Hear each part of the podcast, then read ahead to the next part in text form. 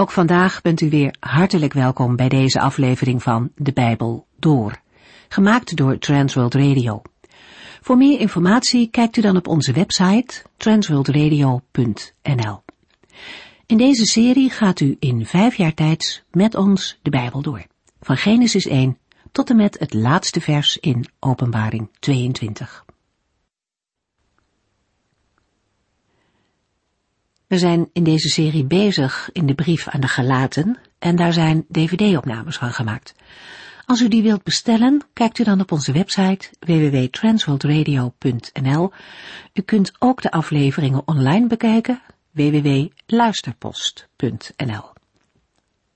De vorige keer hebben we maar vier versen gelezen uit Galaten hoofdstuk 3. Laten we even kort terugkijken naar die studie. Paulus legt in dit hoofdstuk uit dat de christenen in Galatië op een verkeerd spoor zitten als ze opnieuw de wet van Mozes introduceren in hun christenleven. Als voorbeeld noemt hij de wonderen die ze zien gebeuren. God geeft die als bevestiging op het geloof van mensen en niet omdat mensen zich zo trouw aan de wet houden. Overigens hebben we het er ook over gehad dat Paulus hier niet zegt dat iedereen die gelooft bijzondere wonderen meemaakt. In dit gedeelte gaat het over het verschil tussen wet en geloof. Uit wat ze om zich heen zien, kunnen de gelaten dus leren dat God hen genadig is vanwege hun geloof. Maar ook vanuit de schrift kunnen ze dat leren. Het woord van God geeft aan dat mensen ook vroeger door geloof gerechtvaardigd werden. En om dit verder uit te leggen, verwijst Paulus naar Abraham. Abraham leerde zelfs nog voor de Heere de wet aan Mozes had gegeven. Abraham vertrouwde op Gods belofte dat hij een zoon zou krijgen en gezegend zou worden. Op basis van dat geloof en het vertrouwen was hij rechtvaardig voor God. Dat is de kern van het geloof. Ondanks het feit dat Abraham nog niet zag van de belofte die God gedaan had, hield hij zich eraan vast. Abraham had nog niets, maar hij verwachtte alles van de Heere. En dat bepaalde zijn geloof. En dat vertrouwen dat doet ertoe voor God. We lezen nu verder in Galaten 3. In de vorige uitzending hebben we gelezen over de zegen van Abraham. Die zegen betekende voor Abraham een talrijk nageslacht en een land om in te wonen. Maar in die zegen ging het uiteindelijk ook om de belofte dat de Heere hem tot een God zou zijn. Die verbondsbelofte is door de komst van Christus ook tot de niet-Joden, heidenen, gekomen. In feite was dat altijd al Gods bedoeling geweest, toen hij de geschiedenis met zijn volk Israël begon. Toen al klonk het evangelie. Het zat er in het Oude Testament al helemaal in. Gods belofte van zegen voor alle volken. Die zegen vond een hoogtepunt in de komst en het werk van de Heer Jezus Christus. Paulus verwoordt het in vers 8 van Gelaten 3. In de boeken is voorzegd dat het tussen God en niet-Joodse volken in orde zou komen, wanneer zij op hem zouden vertrouwen. God zei ooit tegen Abraham, u zult voor alle volken een zegen zijn. Dat was goed nieuws. Het belangrijke dat de apostel Paulus ons wil laten zien is dat Abraham in zijn leven de stem van God gehoorzaamde. Een van de voorbeelden daarvan vinden we in Genesis 22. In Genesis 22, vers 1 en 2 lezen we: Enige tijd later stelde God Abraham op de proef. Abraham, zei God, ja, heren, hier ben ik, antwoordde Abraham. Neem uw zoon, uw enige, van wie u zoveel houdt, Isaac.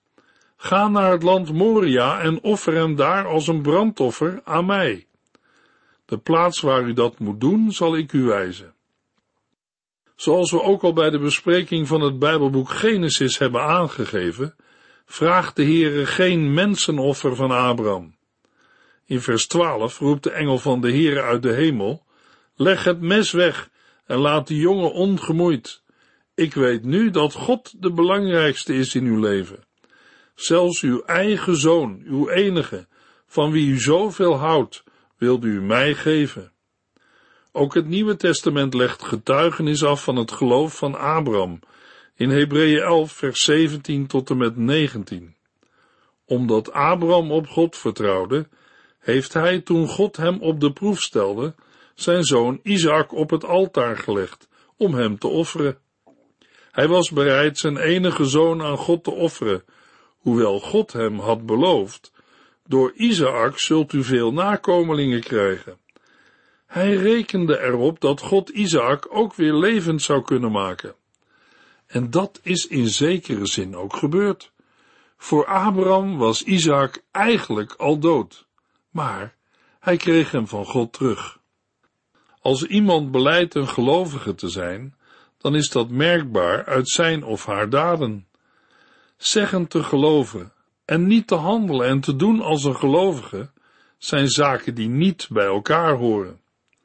In Jacobus 2 vers 20 tot en met 22 lezen we, dwazen, wanneer zult u eens leren dat geloven geen zin heeft, als u niet tegelijkertijd ook doet wat God van u vraagt? Geloof dat niet met daden samengaat, is geen echt geloof. Weet u niet meer dat God onze voorvader Abraham rechtvaardigde om wat hij deed? Hij gehoorzaamde, zelfs al hield dat in dat hij zijn eigen zoon op een altaar moest offeren. Ziet u wat ik bedoel? Hij geloofde God en deed precies wat God van hem vroeg. Zijn geloof werd pas echt geloof door wat hij deed. Jacobus praat over geloof dat met daden samengaat. Het is belangrijk te zien dat geloof tot daden leidt, zoals het leven van Abraham heeft laten zien. De Heere ziet uw, jou en mijn hart aan. Hem kunnen wij niet voor de gek houden. Hij prikt door al onze schone schijn heen, hoe christelijk of vroom we ook zijn. Bij de Heere hoeft de mens niet te doen alsof. U kunt op Christus vertrouwen, als uw redder en verlosser. Jacobus gebruikt de geschiedenis van Abraham om te laten zien dat geloof zonder daden dood is. De werken waarover Jacobus spreekt zijn geen werken der wet. De wet van Mozes had de Heer in Abrahams tijd nog niet gegeven. In Jacobus 2 vers 23 staat, in de boeken staat het zo. Abraham geloofde God en daarom beschouwde God hem als een rechtvaardig mens. God noemde hem zelfs zijn vriend. De apostelen Paulus en Jacobus zeggen over verschillende gebeurtenissen uit het leven van Abraham hetzelfde. Geloof zonder daden is geen geloof. Gelaten 3 vers 9 Ieder die net als Abraham op God vertrouwt, zal net als hij worden gezegend. Het Griekse woord voor geloof heeft minstens twee betekenissen. De eerste is trouw of betrouwbaarheid. En de tweede betekenis is vertrouwen of geloof, ook wel het vertrouwen of het geloof. Bij de eerste betekenis gaat het om trouw of betrouwbaarheid, als deugd of eigenschap van iets of iemand, zoals bijvoorbeeld in het Oude Testament de trouw van kinderen aan hun ouders. Het kan ook gaan om de betrouwbaarheid van een verbond. In het Nieuwe Testament treffen we deze betekenis onder meer aan in de opsommingen van dingen die rechtvaardig zijn. Bijvoorbeeld in 1 Timotheus 6 vers 11. Gerechtigheid, godsvrucht, trouw, liefde. Als ook in de opsomming van de vrucht van de geest in Galaten 5 vers 22 vriendelijkheid, goedheid, trouw enzovoort. Bij de tweede betekenis gaat het om geloof of vertrouwen, bijvoorbeeld in Hebreeën 11 vers 1, waar geloof omschreven wordt als de zekerheid dat onze hoop werkelijkheid wordt en het overtuigd zijn van het bestaan van dingen die je niet ziet. In het Nieuwe Testament gaat het telkens om geloof in God in Jezus Christus en in zaken als het evangelie, de naam van Jezus en het bloed van Christus. We lezen over geloof in God, dat wil zeggen de overtuiging dat Hij bestaat. Hij is de schepper van en heerser over alle dingen, die het heil geeft aan hen die Hem zoeken. In aansluiting bij het oud-testamentische spraakgebruik houdt dit geloof in vertrouwen op God en wel het vertrouwen dat God zijn belofte zal nakomen en het vertrouwen op de almacht van de Heere. Dit vertrouwen op God is nauw verbonden met hoop, zoals duidelijk naar voren komt in bijvoorbeeld 1 Petrus 1 vers 21. Ons geloof en onze hoop zijn op God gevestigd. Vervolgens vinden we het woord geloof in het Nieuwe Testament vaak in de zin van geloof in of vertrouwen op de Heer Jezus Christus. Het geloof in of vertrouwen op God of Jezus is, in het verlengde van het Oude Testament, nauw verbonden met gehoorzamen. Dat blijkt als het bewaren van Gods geboden en het geloof op één lijn worden gesteld. In sommige Bijbelteksten ligt geloof dicht bij geloofsgehoorzaamheid, zoals in Hebreeën 11, waar het geloof van de geloofsgetuigen uit het Oude Testament zich uit in hun gehoorzaamheid aan de Here. Op een aantal plaatsen is er sprake van een bijzondere vorm van geloof, namelijk geloof dat bergen verzet, of waar het wordt beschreven als een gave van de Heilige Geest. Een bijzonder gebruik van de tweede betekenis vinden we in de betekenis die neerkomt op dat wat geloofd wordt, de geloofsinhoud.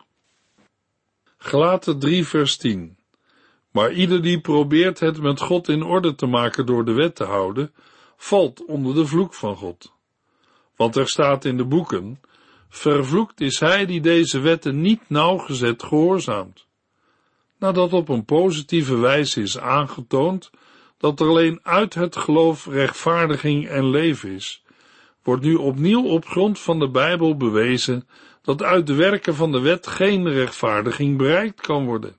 Integendeel, tegenover de verbondszegen die de Heere belooft aan de gelovigen, staat zijn vloek. Die vloek geldt allen die deze wetten niet nauwgezet gehoorzamen.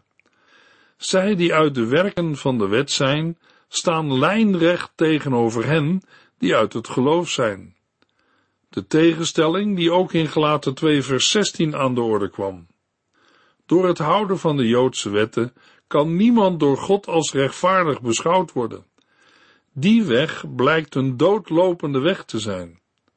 Uit de Joodse wet blijkt dat ieder die probeert het met God in orde te maken door de wet te houden, onder de vloek van God valt. Geen mens is in staat om volkomen gehoorzaam te zijn aan de volmaakte wetten van de Heere. Daarom getuigen de wetten van de Heere tegen ieder mens en is het oordeel op grond van Gods wetten, alle mensen hebben gezondigd en missen daardoor Gods nabijheid. Is er dan nog hoop? Gelukkig wel. Paulus schrijft in Romeinen 3 vers 24 en 25 maar God is zo goed en vergevend hen weer aan te nemen, zonder dat het hun iets kost en zonder dat zij het hebben verdiend, omdat Jezus Christus hen uit de greep van de zonde heeft bevrijd. God heeft Christus Jezus gegeven als verzoeningsoffer. Door zijn bloed zal de mens, wanneer hij gelooft, Gods rechtvaardigheid ontdekken. God gaat namelijk voorbij aan de zonden die eerder gepleegd waren, om uiteindelijk in deze tijd te laten zien hoe rechtvaardig Hij is. Dat doet Hij door iedereen die in Jezus gelooft vrij te spreken. Gelaten 3 vers 11 Dat niemand het ooit met God in orde kan maken door de wet te houden, is volstrekt duidelijk. In de boeken staat immers ook, de mensen die rechtvaardig zijn, zullen door hun geloof echt leven. Uit de wet blijkt onze zonde en worden wij vanwege die zonde vervloekt. En het is duidelijk dat door diezelfde wet niemand gerechtvaardigd wordt. De wet kan geen zonde vergeven, alleen aanwijzen en zelfs tot nieuwe zonde aanzetten. In de volgende verse zal duidelijk worden dat door de wet een tegenstelling vormt met het eerste woord van vers 13. Christus heeft ons vrijgekocht. Wat de wet niet kan, kan Christus wel. Niemand kan het ooit met God in orde maken door de wet te houden. Het gaat er niet om hoe wij mensen onszelf en elkaar beoordelen. Het gaat om het rechtvaardige oordeel van God. Naar onze menselijke maatstaven zijn de meeste van ons nette en brave burgers. We doen niemand kwaad en geven ieder het zijne. Wie zou er nog iets op ons aan te merken hebben? Luisteraar, ik kan dat niet beoordelen en ik mag ook niet op de stoel van de Heere God gaan zitten. Gods wetten zijn duidelijk. De Heer Jezus zegt in Matthäus 22, vers 37 tot en met 40, Heb de Heere uw God lief met heel uw hart, met heel uw ziel en met heel uw verstand. Dit gebod is het eerste en het belangrijkste. Het tweede gebod komt op hetzelfde neer. Heb uw naaste net zo lief als uzelf. Deze twee geboden zijn de basis van de hele wet en de profeten. Als wij mensen over deze twee basisgeboden nadenken en eerlijk antwoord geven op de vraag of wij dat altijd en ieder moment hebben gedaan, dan is er geen mens die daar ja op kan zeggen. Daarom heeft iedereen de Heer Jezus nodig, of u het daar nu mee eens bent of niet. Met woorden uit het Oude Testament, Habakkuk 2 vers 4, geeft Paulus aan dat niemand het ooit met God in orde kan maken door de wet te houden.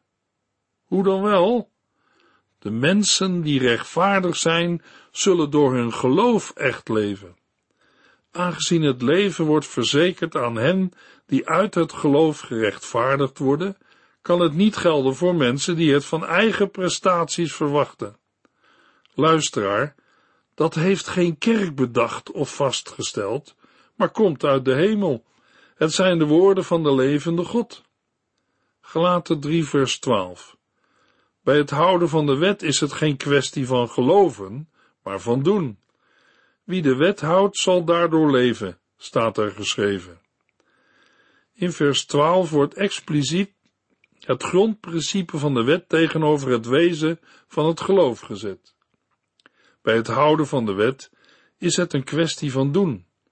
Het wezen van het geloof is overgave aan en vertrouwen op Christus. Wie de wet houdt, zal daardoor leven, is een citaat uit Leviticus 18, vers 5. Boven de heiligheidswet in Leviticus 18 staat dat wie deze wetten doet, daardoor zal leven.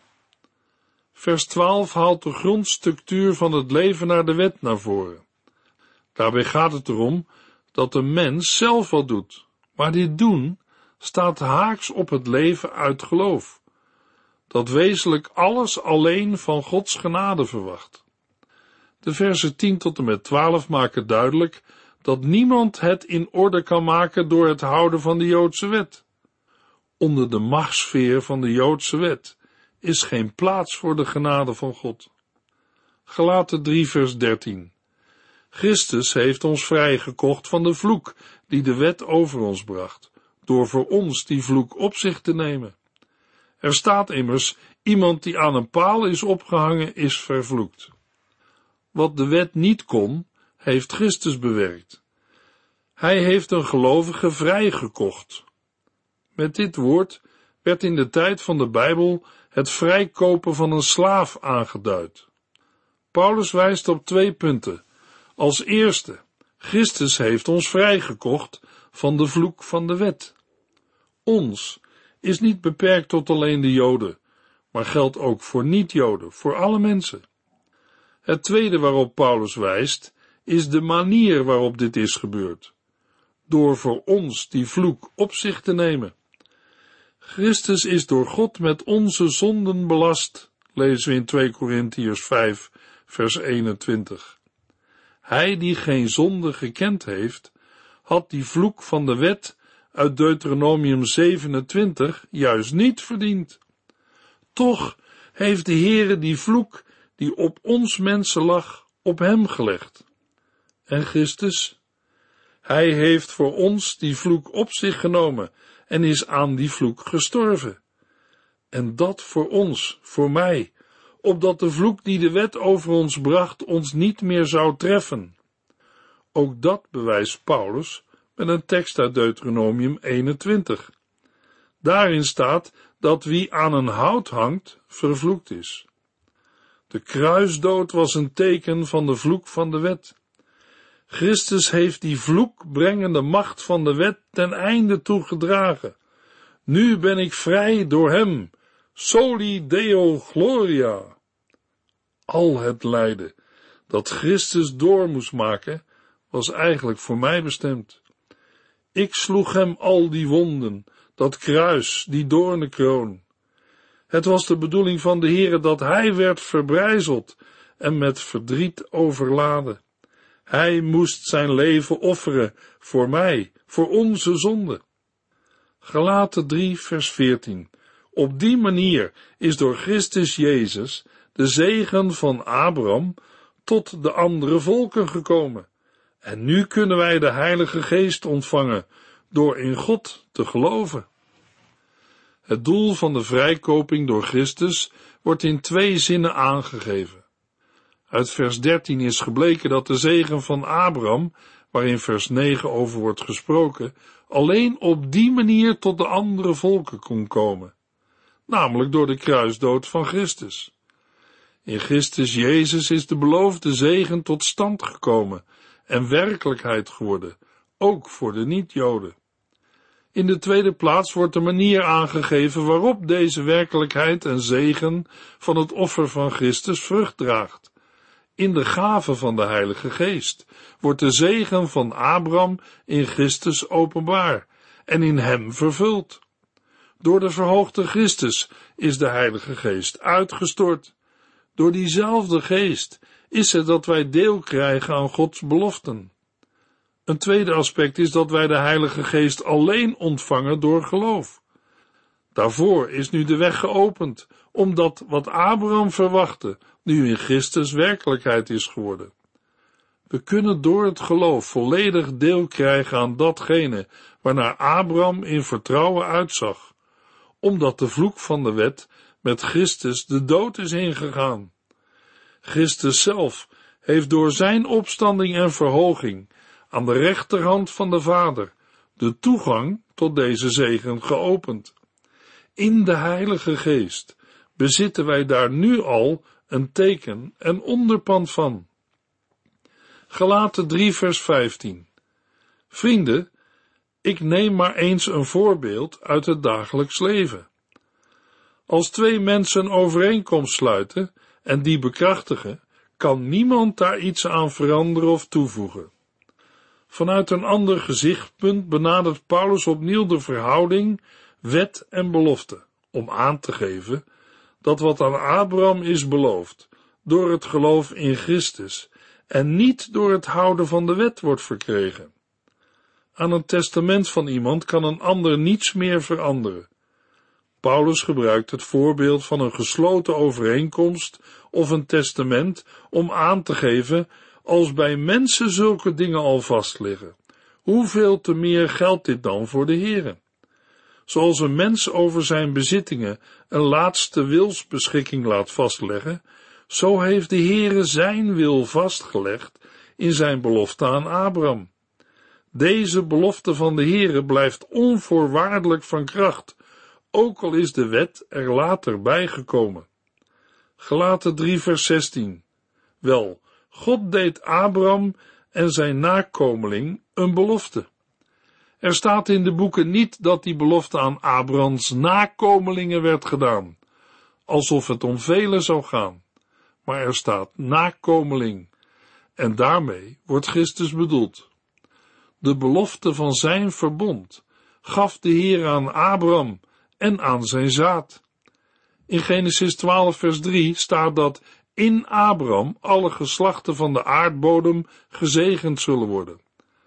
Deze belofte wordt in Genesis 22 vers 18 herhaald met de woorden in uw zaad of nakomeling zullen alle volken van de aarde gezegend worden. Ook in Genesis 17 staat dat God zijn verbond opricht met Abraham en zijn nageslacht. Paulus weet dat het enkelvoud, zaad of nakomeling, ook collectief op alle nakomelingen betrokken kan worden. In gelaten geeft de apostel aan, door het enkelvoud te benadrukken, dat door de komst van die ene nakomeling, Jezus Christus, die belofte werkelijkheid is geworden. Maar wist Abraham al van Christus? Het antwoord daarop geeft de Heer Jezus. Hij zegt in Johannes 8, vers 56, Abraham keek met blijdschap uit naar mijn komst. Hij zag mij komen en was erg blij. Gelaten 3, vers 17. Ik bedoel dit. Als God met Abraham een onverbrekelijke overeenkomst heeft gesloten, kan een wet die er pas 430 jaar later bijkwam, die overeenkomst niet ongedaan maken. De belofte die God heeft gedaan, blijft gelden. Nu dit duidelijk is, kan de eigenlijke vergelijking met het testament worden doorgetrokken. Het testament, het verbond, de belofte die God van tevoren had gegeven, kan haar rechtskracht niet verliezen, doordat er iets anders bij komt. Als een eenzijdige wilsbeschikking van de mens al van kracht blijft, hoeveel te meer deze wilsbeschikking van de Heere. De belofte die God aan Abraham heeft gedaan, blijft in zijn volle kracht staan. Daarom kan er ook door de tussenkomst van de wet na zoveel jaren niet opeens sprake zijn van een ander soort verbond, of van afschaffing of toevoeging aan de wijze waarop mensen de erfenis kunnen verkrijgen. Paulus zegt hier dat de wet 430 jaar na de belofte aan Abraham is gekomen. Het getal 430 is gebaseerd op de Griekse vertaling van Exodus 12 vers 40. De Hebreeuwse tekstoverlevering betrekt dit aantal jaren alleen op het verblijf van Israël in Egypte. Een andere teksttraditie noemt 435 jaar. Maar het gaat Paulus niet om de juiste berekening, maar om het feit dat de wet veel later kwam. In de volgende uitzending lezen we verder in Gelaten 3. U heeft geluisterd naar De Bijbel Door, in het Nederlands vertaald en bewerkt door Transworld Radio. Een programma waarin we in vijf jaar tijd de hele Bijbel doorgaan. Als u wilt reageren op deze uitzending of u heeft vragen, dan kunt u contact met ons opnemen. Tijdens kantooruren kunt u bellen op 0342 47 8432. 0342 47 8432. Ook kunt u een e-mail sturen naar de at transworldradio.nl en natuurlijk kunt u ook via de post ons bereiken. TWR, postbus 371, postcode 3770, AJ in Barneveld. Dit programma werd gepresenteerd door Cor Weda en Ike André. Techniek was in handen van Odin van Voerkom. En wij allemaal bedanken u voor het luisteren. Graag tot de volgende keer.